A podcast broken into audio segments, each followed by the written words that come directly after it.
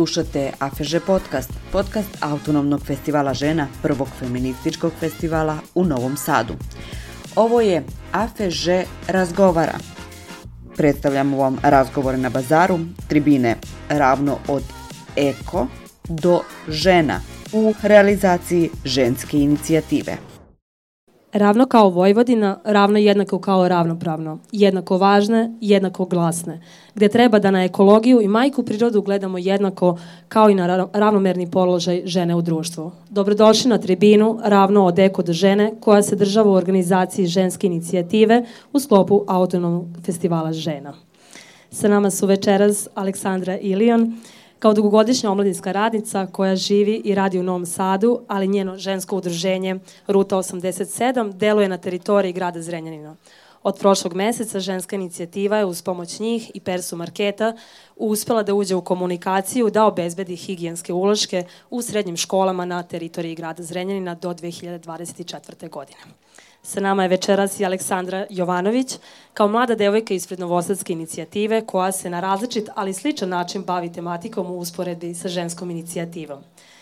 Sa nama poseban gost večeras je Nina Fuštar, studentkinja prorektorica Umetničkog univerziteta u Beogradu, koja je po našem modelu uspela da obezbedi za naredni period iz, fakultetskog budžeta higijenske uložke za čitav umetnički univerzitet.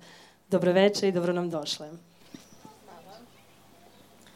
Ženska inicijativa je nastala pre godinu i po dana gde su studentkinje Filozofskog fakulteta Jovana Mrdalj, Milica Sekulić i moja malenkost pokrenule inicijativu za besplatne higijenske uloške na matičnom fakultetu.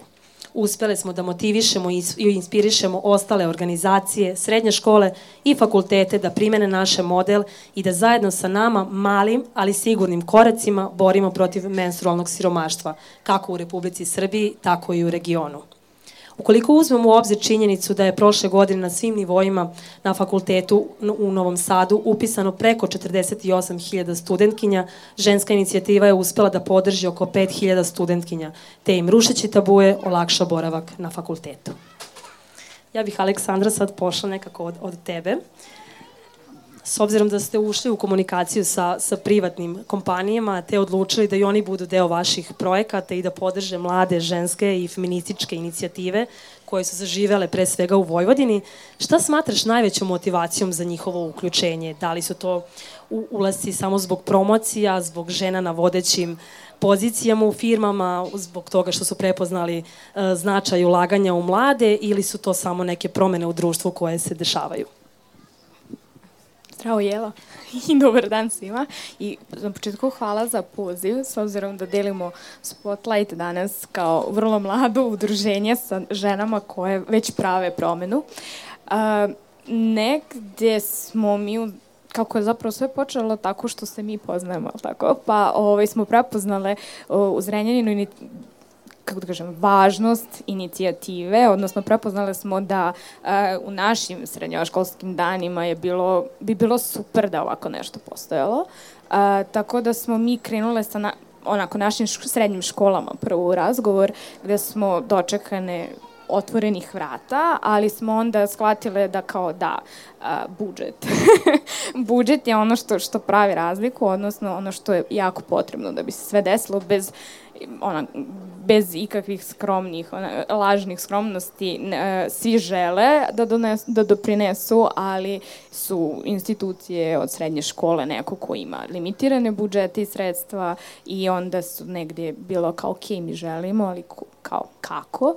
Tako da smo mi došli na ideju da uh, preduzetnike iz Renjanina za početak pitamo da li nešto uh, od da li njima znači uključivanje u, u mislim da nije ono što je tema, da kao jeste marketing team per su uh, marketa jesu žene i jesu neko koje već kad smo mi njima prišli čuo za ovu inicijativu iz Novog Sada, što je bio super plus, ali ovaj, nama pregovori još uvek traju zapravo sa njima i negde što uh, cela inicijativa kreće, to je naša inicijativa Zrenjanu kreće u septembru sa novom školskom godinom i što negde vidimo da će uh, se i drugi, odnosno drugi preduzetnici, manji preduzetnici iz Renjanina priključiti, ali mislim da im je pre svega bilo to što je Zrenjanin sredina koja onako u blizini i Novog Sada i Beograda, gde su mladi ljudi priučeni svetlostima velikih gradova otišli, tako da ne znam, aha.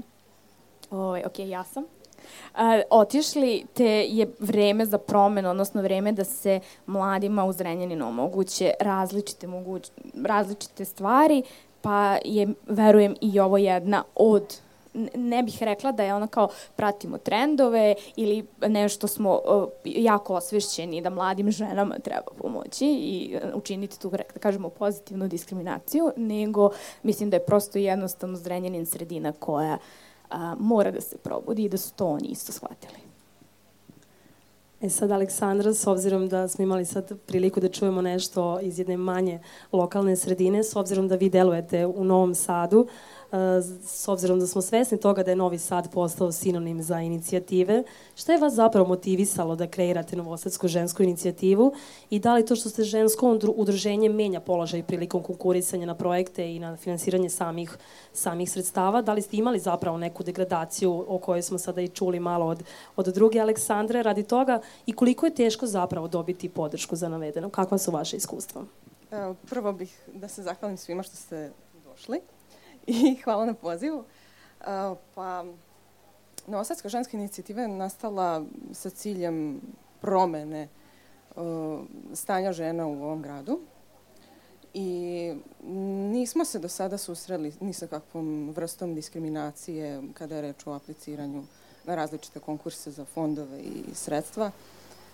Čak mislim da mi kao žensko udruženje i generalno bilo, koja žens, bilo koje žensko udruženje E, je na neki način u prednosti što se bavi tom temom kojom se bavi, jer postoje različiti fondovi koji finansiraju isključivo, odnosno programi koji finansiraju isključivo ženska udruženja. Imali smo sada priliku uh, da vidimo konkurs raspisan od strane Trak fondacije, gde su kao, gde kao kriterijum bilo da udruženje bude vođeno od strane žena ili osnovano od strane žena.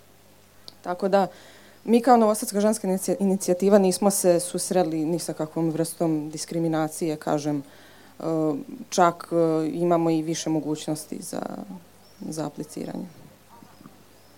E sad, Nina, reci nam kako nam je onda stanje u Beogradu i kakav je vaš proces uključivanja u svega, s obzirom da podsjetimo samo publiku, da ste za kratko vreme uspeli sa svojim timom da se pozabavite uvođenjem besplatnih higijenskih uložaka na fakultet i da ste imali nekako podršku same uprave fakulteta, pa eto, ako bi želela da podeliš nešto sa nama i sa našom publikom, kako je to sve teklo? Prvo da vam se i ja zahvalim na pozivu, baš mi je onako drago što sam ovdje. Uh, ja ću krenuti zapravo od toga otkud meni ideja. Meni ideja nije došla tek tako, ideja mi je došla kad sam upoznala vas iz ženske inicijative i ne kažem ovo zato što sam danas ovdje, nego zato što stvarno, ovaj, kad ste održale, da nazovemo to prezentaciju i kad ste rekle ovaj, sve probleme zapravo o kojima evo ja nisam razmišljala dok nisam vas poslušala, naprosto sam shvatila da moj univerzitet većinom čine žene. Dakle, na Univerzitetu umetnosti u Beogradu više od 50% studenta jesu studentkinje, znači jesu djevojke. Kad pričamo o Univerzitetu umetnosti, ja uvijek volim da napomenem da je to jedan jako specifičan program. Dakle, to ne izgleda kao svaki drugi fakultet. Naši časovi, naša predavanja, naše probe, predstave i sve što radimo traju uh, maltene od jutra do večeri, tako da mi smo uglavnom stalno na fakultetu kad god nas trebate i onda sam shvatila i kako su većinom studentkinje da bi takva jedna inicijativa i tako nešto bilo zapravo jako, jako, jako značajno. E, čini mi se, kad smo se upoznale da je bila subota i ja sam bila tako pod velikim utiskom, tako da sam u ponedeljak imala sastanak sa upravom univerziteta i uh, maltene odmah sam, bila sam prva tačka na dnevnom redu i odmah sam predložila to. Uh, prva reakcija je bila pozitivna, ali uvijek se vratimo na to otkud e, pare, šta ćemo, kako ćemo, dobro je. Međutim, kad sam ja to sve onako stavila na papir i rekla da to zapravo nije, nisu velika veliki troškovi kad podijelimo po, po fakultetima, to je, to izađe recimo oko 2-2,5 hiljade na mjesečnom nivou po fakultetu, to je praktično nešto što ne osjetite, onda je bilo malo lakše, iako, kažem vam, od početka su stvarno prihvatili pozitivno. Ja ne mogu reći da smo mi to uradili, jer mi trenutno nemamo kutije sa ulošcima, ali apsolutno je proces pokrenut, studente sam nekako uspjela da animiram, studentkinje zapravo, da se uključe i da se pokrenu. Mnogo profesorki se javilo. Nisam očekivala, mislim jeste poželjno, nisam očekivala da dobijem takvu podršku od profesorki. Tako da mi smo onako, ja bih rekla sad iz, iz ove perspektive na jednom jako, jako dobrom putu da tamo negdje od početka sledeće akademske godine zapravo imamo ovaj, obezbeđene kutije sa ulošcima i to od fakulteta, a ne projektnim finansiranjem. Naravno, ukoliko zatreba, svakako ovaj, da, smo, da smo i za to zainteresovani.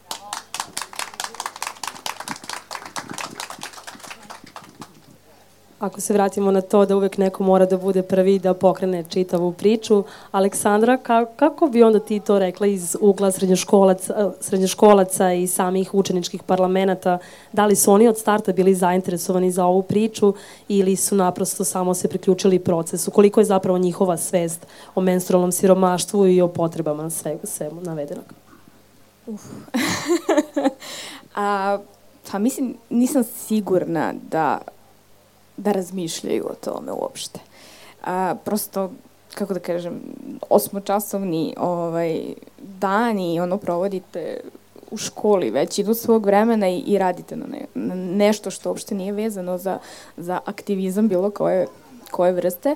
Nisam sigurna da promišljaju na taj način. Osim, pretpostavljeno, postoje oni kojima je to onako, kako da kažem, upečetljiviji problem, izazov u svakodnevnom životu, ali onda tu dolazi ona stigma gde pretpostavljam i znamo svi da, da se ne priča o tome toliko i da ne, ne izlaze, posebno u tineđerskim danima kada a, imate izazov sa nečim da nešto sebi ne možete da priuštite, nije to nešto što obelodanite tako i, i, i javno iskažete, tako da smo se mi u principu najviše orijentisali prvo na školsku upravu, odnosno na školu i na činjenicu da senzibilišemo školu, smo mi sa našom predrasudom krenuli a, da će nama teško biti, a, da će nama najteži a, put biti zapravo da dođemo u školu, da će đaci biti zainteresovani, ali da će škola a, imati neki svoj stav koji će biti negativan, što se nije desilo, mada e, još uvek čekamo onaj savet roditelja koji treba da prođemo, gde pretpostavljamo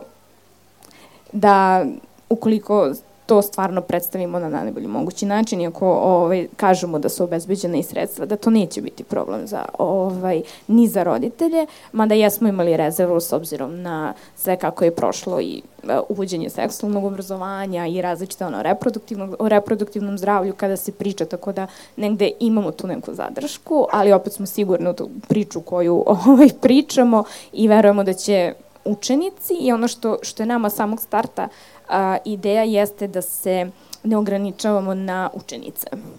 Nama je želja da a, učenici svi jednako razumeju temu, jednako razumeju problematiku i jednako se uključe u celu inicijativu, tako da negde um, nama nije, mi nećemo samo um, kako da kažem, um, prvo i osnovno jeste postavit ćemo kutije sa, ovaj, ulož, sa besplatnim uložicima, ali ono što jeste ideja jeste da se formira učenički timovi koji će zapravo biti nosioci uh, cele inicijative u svojoj školi, nećemo mi kao neko sa strane, kao neko stariji dolaziti i pričati, hoćemo naravno ovaj, u tim nekim edukativnim momentima i, i biti podrška svo vreme, ali ideja nam je da taj tim zapravo bude uh, onaj core tim koji će voditi računa o uložcima koji će javljati da treba da se dopuni ili da se nađu dodatni sponzori ili da nešto već pokrene, ali i jesmo razmišljali um, negde, s obzirom da naše udruženje nije uh, žensko udruženje, nego je udruženje koje se zapravo bavi zdravim stilovima života. I mi smo prepoznali da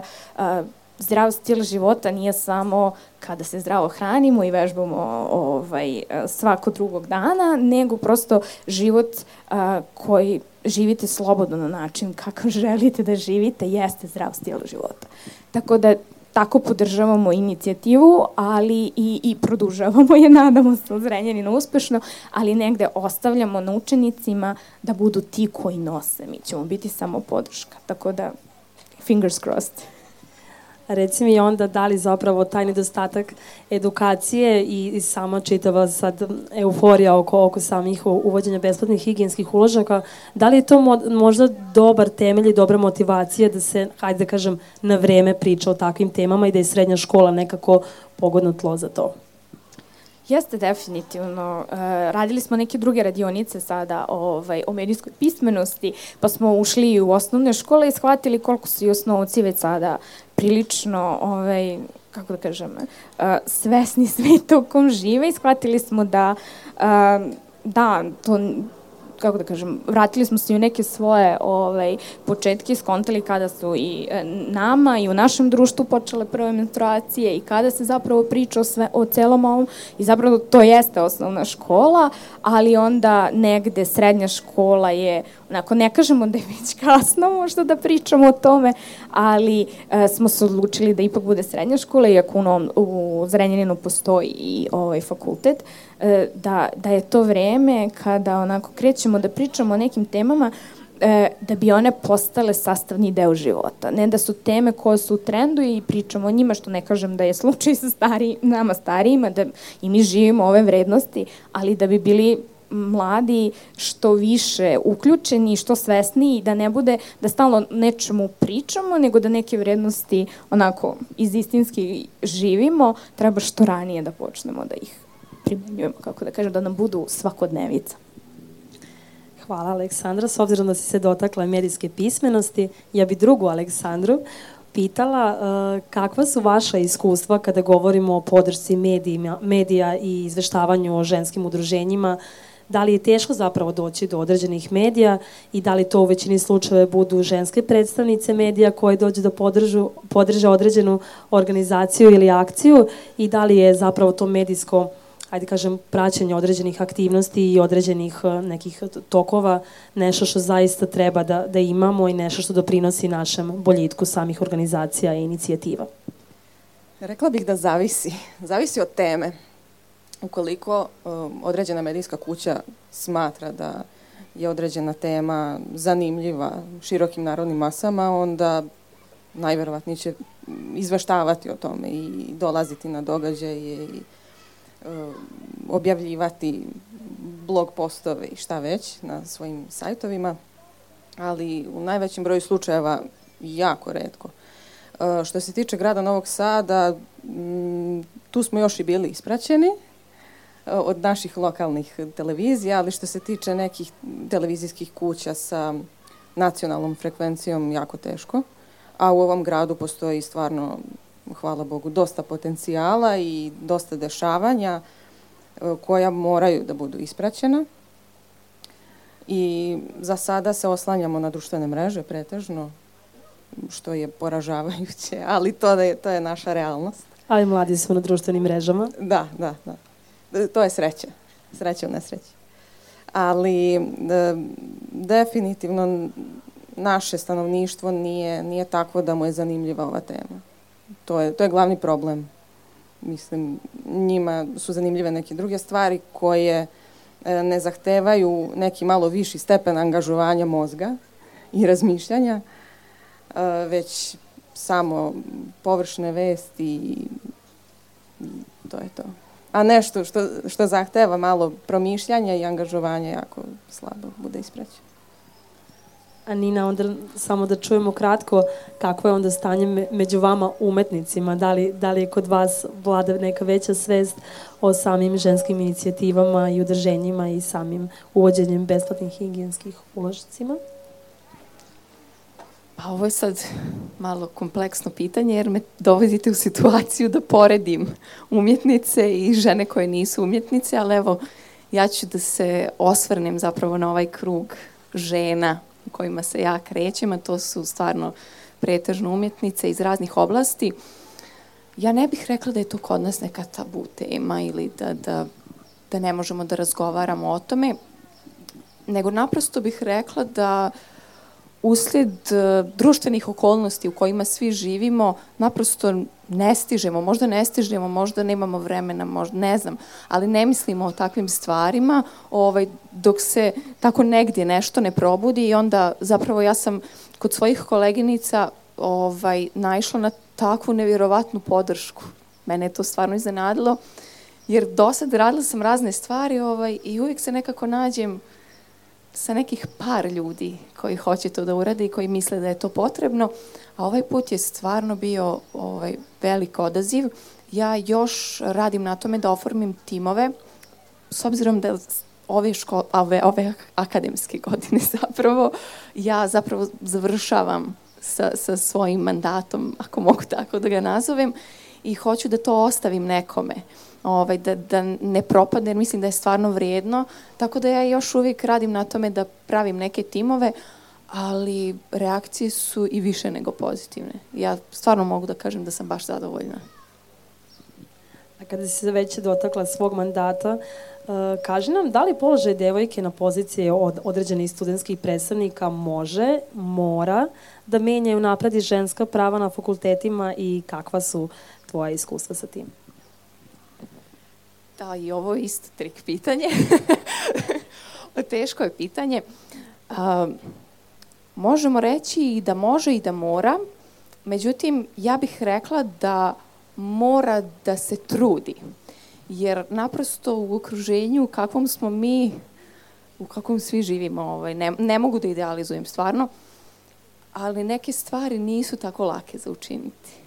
Mada ja mislim da ovaj, treba da zadržite taj neki elan i tu neku volju, da stalno se trudite, da pričate, da vraćate ljude kad skrenu sa, sa teme, da ih vraćate ukoliko mislite da je nešto značajno. Ovaj, ja mislim, ova pozicija svakako ima određene prednosti, ima određene mane. Ja se često susretnem sa studentima koji misle da sam ja svemoćna. da ono što me pitaju, ja ću da odem i da sredim, to će biti gotovo. Međutim, to zapravo nije tako. Ja mogu da probam, da podržim. Tako da, e, što se tiče i studenta i studentkinja svačijih pozicija, ovaj, nekako to gledam jednako.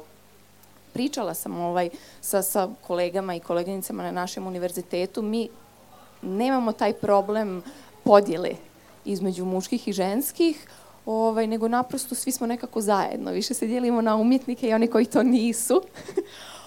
Tako da, šta znam, rekla bih da svakako ključ, ono što morate raditi na ovoj poziciji jeste pokušavati. Morate stalno pokušavati i truditi se, a sad koliko ćete uspjeti, nećete uspjeti sve. Evo, ja, ja stvarno nisam uspjela sve, uspjela sam baš mali dio ovaj, da, da realizujem i da, da uopšte da natiram ljude da počnu razmišljati o nekim stvarima, ali ponovit ću još jednom, morate da, da pokušavate.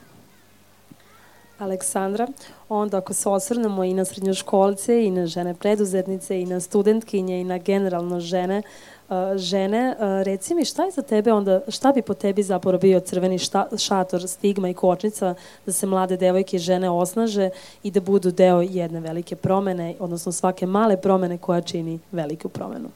Sad teško pitanje za mene. O... Sad kreće ova teža pitanja.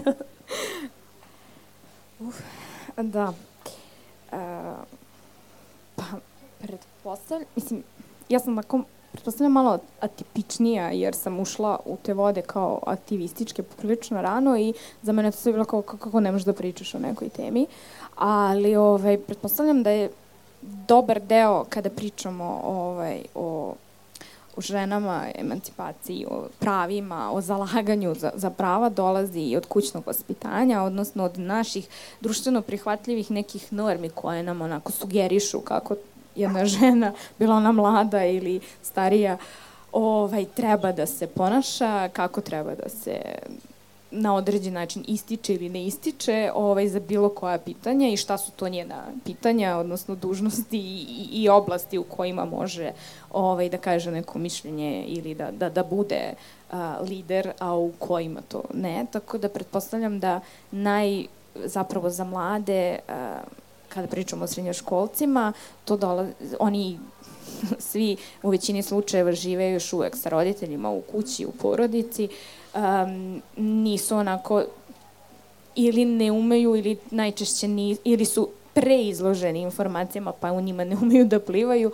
E, tako da mislim da se oni još posebno što su to te tinejdžerske godine kada se pronalazite u svim mogućim sferama svo, ovaj, svog života, mislim da je negde najveći e, ta podrška i, i to vaspitanje i to što atmosfera u kući je ono što, što im daje krila ili ih sputava da, da krenu u neku akciju ili da se za neka prava, bez obzira da li su to sad prava žena ili se on, ne znam, ono, ekologija u pitanju, da, da se bave nekom temom i da budu ti koji će voditi ili ovaj, ne mora nužno voditi, ali neke stvari primenjivati u svom životu. Nekad je čak, kako da kažem, kao što imate sada, ovaj, mislim ne sada, prosto to, to jeste tako, ovaj, da, da ponašanje, da li ćemo kese plastične nos, kupovati ili nećemo, tako i sve ostalo, negde kad ste, kad imate ono 15-16 godina, prosto pratite model koji vam je najbliži, to je najčešće kuća. Aleksandra, s obzirom da smo sad imali priliku da čujemo i koliko je važna i podrška i koliko je važna podrška ne samo medija i samih organizacija, inicijativa, ja bih voljela da, da nam kažeš koliko bi zapravo po tebi bila važna podrška organizacija organizaciji, odnosno žena ženi, odnosno samog čoveka čoveku u tom kontekstu? Um, veoma je značajna. Evo sada došli smo na ovaj događaj da bismo pružili podršku jedne drugima bitno je zato što ništa ne možete uraditi sami. Da li kao pojedinac ili kao jedno udruženje ne možete uraditi mnogo i važno je da učestvujete u, u događajima drugih organizacija, da promovišete na svojim platformama, da se povezujete na, ili na događajima ili van događaja sa predstavnicima drugih udruženja, tako da na taj način može da se postigne mnogo više nego da radite sami. I mnogo brže. To svakako. Pink takse, podrška institucija i donosioca odluka za ženska pitanja, tabu teme, nedostajanje edukacije i seksualnog obrazovanja, čemu treba da težimo i zapravo šta je ono što bi po vama bilo ključ kada govorimo o vašim porukama za buduće aktiviste. Možemo da krenemo od Nine, hajde da budemo iz te strane ravnopravne. Šta je ono? Pa ja mislim da mi sada na ovim pozicijama i sa ovim godinama koje imamo, koje nisu neke godine, ali e, treba da, da najviše radimo na edukaciji. Ja mislim da je zapravo u edukaciji ključ, e, zato što ovi klinci koji dolaze, ako, ako njih osvijestimo, i djevojčice i dječake, mislim da samo onda možemo da očekujemo neke promjene u budućnosti. Mislim da je potpuno suludo da mi očekujemo promjenu ako smo samo mi usvojili tu promjenu. Nego naprosto oni koji dolaze, tako da ja eto glasam za, za edukaciju prvenstveno. A, dalje, ono što, što bih razmišljala sam ovaj, o ovoj temi dosta i što bih voljela jeste da se organizacije uvežu, da se pojedinci uvežu koji se bave ovim, ali da se nekako i država uveže. Znači, ovo je, ovo je stvarno jako, jako bitna stvar. Nije nemoguće, ja apsolutno ne smatram ovo nekim nemogućim velikim poduhvatom koji iziskuje ne znam koliko novca. Tako da, prvenstveno edukacija, a onda postepeno širenje. Aleksandra, da li bi ti dodala nešto?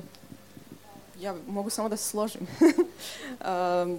da, edukacija i lokalnog stanovništva i edukacija predstavnika udruženja uh, i malo osvešćivanje predstavnika vlasti, edukacija njih, možda je najbitnija, uh, jer često se desi da ne mogu da prepoznaju značaj naših projekata i naših događaja, do duše To se sada, hvala Bogu, menja. U našem gradu sigurno, u drugim gradovima nisam sigurna, to ne mogu da tvrdim sa sigurnošću. Ali svakako, da, edukacija isto bih se složila.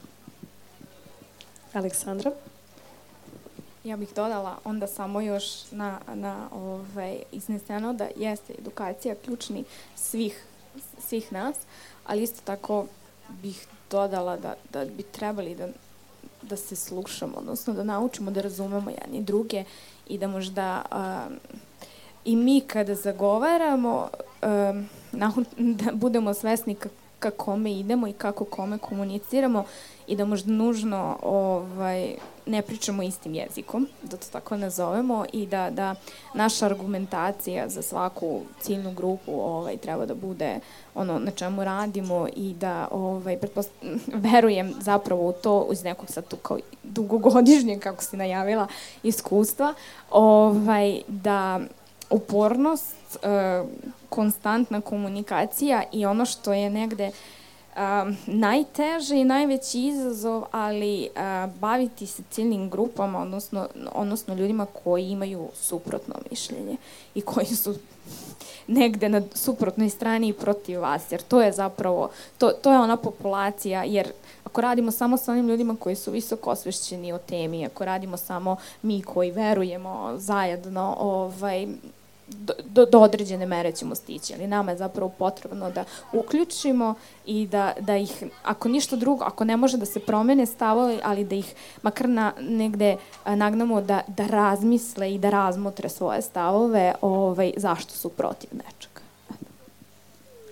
S obzirom da smo sada čuli i vas i koje su vaše ovaj, inspiracije i motivacije za našu publiku. Ja bih sada volela, odnosno zamolila vas, ukoliko imate nekih pitanja, da to učinite sada dok su nam devojke ovde. Nema prozivanja, ajde.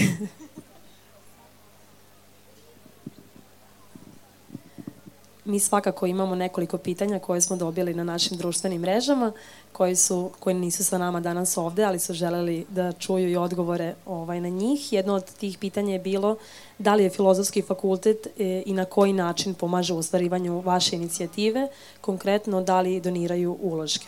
Da se prisjetimo od početka naše priče, e, higijenske uložke na Filozofskom fakultetu su obezbedile studentkinje, ali je Filozofski fakultet pružio podršku u smislu da je odobrio da se to postavi na fakultetu i da nam daje, hajde kažem, raširene, odrešene ruke da se time bavimo. Ali ono što je novitet jeste da će od naredne akademske godine, barem su tako obećali iz uprave fakulteta, biti prisutni filozofski, na filozofskom fakultetu higijenski uložci za sve naše studentkinje koje će ići, odnosno biti finansirane iz budžeta našeg fakulteta.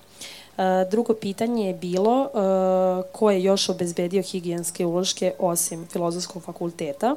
Ja bih se nadovezala osim vas koje sam spomenula da ste u procesu, da je to filološki, odnosno filozofski fakultet iz Beograda koji se priključio od maja meseca, takođe i privatna srednja škola Akademija Vision iz Novog Sada, Opens kao savez udruženja, Pokret Gorana Vojvodine i Kolping Srbije.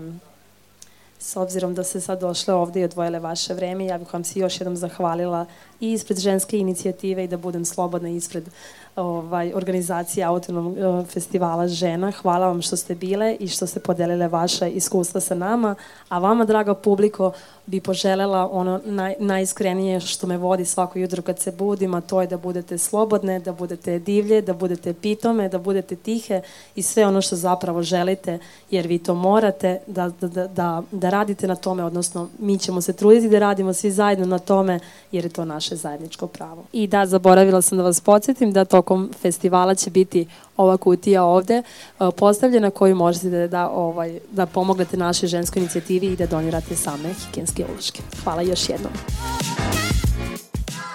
Autonomni festival žena AFŽ je lokalno utvrđivanje snaga protiv nasilja prema ženama i decom i nasilja uopšte.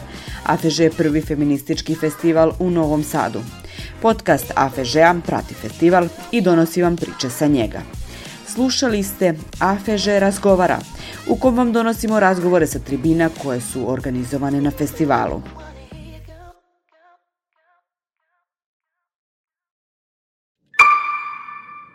Produkcija Fabrika kreativnosti